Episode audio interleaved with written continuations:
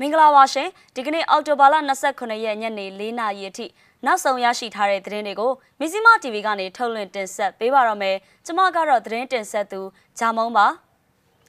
ကော့မူမှာဒလန်သတင်းပေးမှုကြောင့်ပြည်သူ16ဦးရိုက်နှက်ဖမ်းဆီးခံရပါတယ်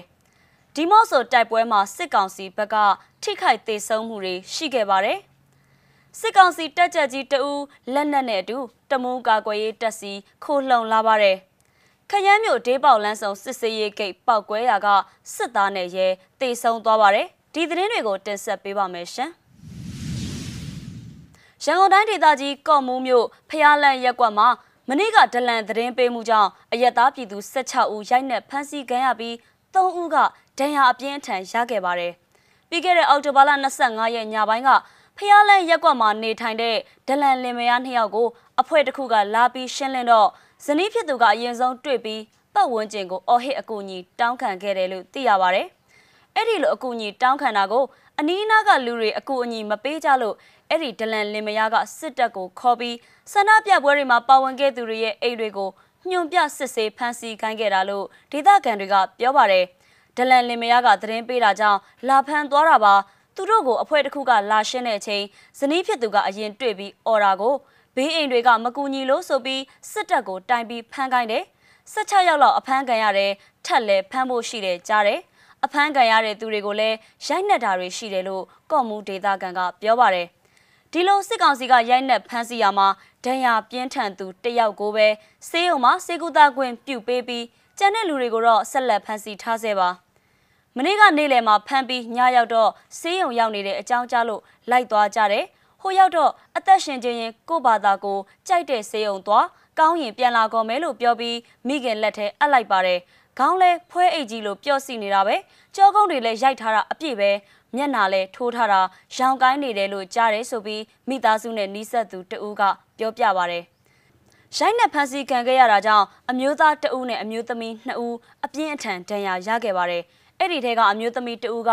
ဦးကောင်းဒဏ်ရာပြင်းထန်ပြီးအခြေအနေစိုးရိမ်နေရတာကြောင့် ကော့မှုမြို့နယ်စေယုံကတဆင့်ကြိုက်ထော်စေယုံကိုပြောင်းရွှေ့ပြီးစီကူတမှုခံယူနေရတယ်လို့သိရပါတယ်ရှင်။ကယားပြည်နယ်ဒီမော့ဆိုမြို့နယ်ထဲမနေ့ကညပိုင်းမှာကရင်နီအမျိုးသားများကာကွယ်ရေးတပ် KNDF ကအာနာသိန်းစစ်ကောင်စီတပ်ရင်တန်းကိုမိုင်းဆွဲတိုက်ခိုက်ပြီးအပြန်အလှန်ပစ်ခတ်မှုဖြစ်ပွားကြောင်း AR သတင်းဌာနမှဖော်ပြထားပါတယ်။စစ်ကောင်စီဘက်က10ဦးထပ်မံတေဆုံးခဲ့ကြောင်း KNDF ဘက်ကပြောပါတယ်။ ဒီမော့ဆိုနဲ့ဖရူဆိုမြို့နယ်တို့ဘက်ကနေစစ်ကြောင်းထိုးလာတဲ့စစ်ကောင်စီရှင်တန်းကိုဒီမော့ဆိုမြို့နယ်ထွေလီဗီလာကျေးရွာနဲ့ငွေတောင်ရွာသစ်ကျေးရွာကြားမှာကရင်နီတပ်မတော် KA နဲ့ KNDF ပူးပေါင်းတပ်ဖွဲ့ဝင်တွေကမိုင်းဆွဲတိုက်ခိုက်ခဲ့တာပါစစ်ကောင်စီကားနှစ်စီးလဲထိမှန်ပျက်စီးသွားခဲ့ကြောင်း KNDF ဘက်ကပြောပါရယ်ပထမတစည်းကိုမိုင်းဆွဲတာထိသွားတယ်နောက်ကထက်လိုက်လာတဲ့တစည်းကိုလည်းမိုင်းထက်ဆွဲတာထက်ထိတယ်အဲ့ဒီမှာနှစ်စီးပြက်တာပေါ့ ကားပေါ်မှာပါလာတဲ့သူတွေထဲသေတာတချို့ရှိတယ်အပြန်အလှန်ပြစ်ခတ်ရင်းနဲ့လည်းသေတဲ့လူတချို့ရှိတယ်မိုင်းဆွဲလို့မမီလိုက်တဲ့ဖြတ်သွားတဲ့ရင်တန်းတွေကိုတော့လက်နက်ငယ်တွေနဲ့ပြစ်ခတ်လိုက်တာရှိတယ်လို့ KNDF သတင်းပြန်ကြားရေးတာဝန်ခံတဦးက AR သတင်းဌာနကိုပြောပြပါရယ်မိုင်းဆွဲတိုက်ခိုက်ခံရပြီးတဲ့နောက်ဒီမော့ဆိုတဲတောင်နဲ့ခြေရတော်ဖျားအနီးတက်ဆွဲထားတဲ့စစ်ကောင်စီတပ်တွေကလက်နက်ကြီးလက်နက်ငယ်တွေနဲ့ပစ်ခတ်မှုတွေလည်းပြုလုပ်ခဲ့ပါတယ်။ အာဏာသိမ်းစစ်ကောင်စီတပ်တွေအနေနဲ့ကယားပြည်နယ်မှာထိုးစစ်ဆင်မှုတွေပြုလုပ်နေတဲ့အတွက်မြေပြင်မှာစစ်ရေးတင်းမာမှုတွေကရှိနေသေးပါရှမ်းပြည်နယ်ပင်လောင်းမြို့နယ်ဘက်ကလည်းစစ်ကူတွေပို့ဆောင်ပြီးအင်အားတိုးချဲ့နေကြောင်းသိရပါတယ်ရှင်။စကိုင်းတိုင်းတမူးမြို့ကသတင်းကိုဆက်ပြောပါမယ်။ခလာရ266တမူးရှေ့တန်းစခန်းကတက်ကြကြီးစရေးတဦးလက်နက်နဲ့တကွပြည်သူ့ကာကွယ်ရေးတပ်ဖွဲ့တမူးမြို့တပ်ရင်တစ်စီဝင်ရောက်ခိုလုံခဲ့ကြောင်းသိရပါတယ်။ တက်ကြကြီးကကျွန်တော်တို့စီကိုစက်တင်ဘာလ18ရက်မှာရောက်ပါတယ်လုံခြုံရေးအခြေအနေတွေအရအခုမှသတင်းထုတ်တာဖြစ်တယ်ကျွန်တော်တို့အနေနဲ့သူ့နဲ့ထိုက်တန်တဲ့စုငွေတွေကိုချီးမြှင့်ပေးခဲ့ပြီးလုံခြုံတဲ့နေရာကိုပို့ဆောင်ပေးထားပါတယ်နောက်နောက် CDN ဝင်လာမဲ့ပြည်သူရဲဘော်တွေကိုလည်းလှိုက်လိုက်လဲလဲကြိုးစုံနေကြောင်းပြောချင်ပါတယ်လို့ပြည်သူ့ကာကွယ်ရေးတပ်ဖွဲ့တမူးမြို့တပ်ရင်းတစ်ကဘူဘမန်ကပြောပါတယ်တက်ကြကြီးအမည်ကတော့ခေါ်ကလိန်မှာစစ်သက်၄နှစ်ရှိပါပြီ မိခင်တက်ရင်ကခလာရ226ဟာခအခြေစိုက်ဖြစ်ပြီးအပတ်စဉ်18တက်ကြက်ကြီးစရေးတင်တန်းကိုတက်ရောက်ခဲ့တဲ့သူပါတက်ကြက်ကြီးကသူကင်ဆောင်တဲ့ MA3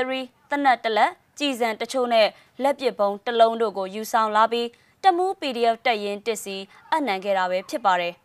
ကိုကျိုးစီးပွားအတ္တတစ်ခုအတွက်နဲ့နိုင်ငံတော်အာဏာကိုတက်သိမ်းတဲ့လူတစုအတွက်ဆက်လက်အမှုထမ်းမနေတော့ပဲပြည်သူတွေချစ်တဲ့တမတော်သားတွေဖြစ်လာဖို့ တတိရှိရှိနဲ့ပြည်သူရင်ခွင်ဘက်ကို CDM လုတ်ပြီးတော့ပါဝင်လာပေးဖို့တိုက်တွန်းခြင်းပါတယ်ဆိုပြီးတက်ကြက်ကြီးခေါ်ကလင်းကတက်တွင်ရဲဘော်တွေကိုတိုက်တွန်းထားပါတယ်လက်တွေ့မှာပြည်သူတွေကိုတပ်ဖြတ်နေပြီးတက်သေးဝင်ရောက်ခြင်းကတင် जा ထားခဲ့ရတာတွေနဲ့တခြားစီဖြစ်နေတာကြောင့်ပြည်သူမုန်းတီးတဲ့လူတစ်ယောက်မဖြစ်ချင်တော့လို့ CDM လောက်ရတာဖြစ်တယ်လို့သူကဆိုပါတယ် စစ်အာဏာသိမ်းပြီးချိန်ကစပြီးတမူးမြို့နယ်မှာ CDM ပြုတ်လုတဲ့စစ်သည်14ဦးနဲ့ရဲတပ်ဖွဲ့ဝင်35ဦးရှိပြီဖြစ်တဲ့အကြောင်းပြည်သူရင်ခွင်အစီအစဉ်ဦးဆောင်သူတဦးရဲ့စည်ရင်းတွေအရာသိရပါတယ်ရှင်။ရန်ကုန်တိုင်းခရမ်းမြို့နယ်ဒေးပေါလန်းဆောင်စစ်စေးရေးဂိတ်မှာ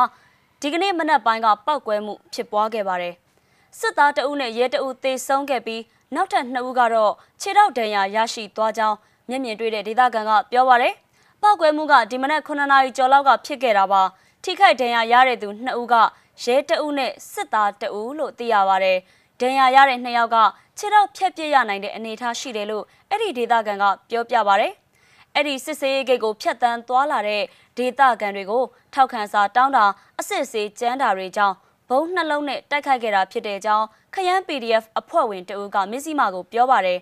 ခရမ်းမြို့မှာမြို့အဝင်အထွက်သွားလာဖို့ထောက်ခံစာလိုအပ်ပြီး အဲ့ဒီထောက်ခံစာကိုလည်းစစ်ကောင်စီခန့်အုပ်ချုပ်ရေးမှုတွေစီမှာပြုလုပ်ရတာပဲဖြစ်ပါတယ်ရှင်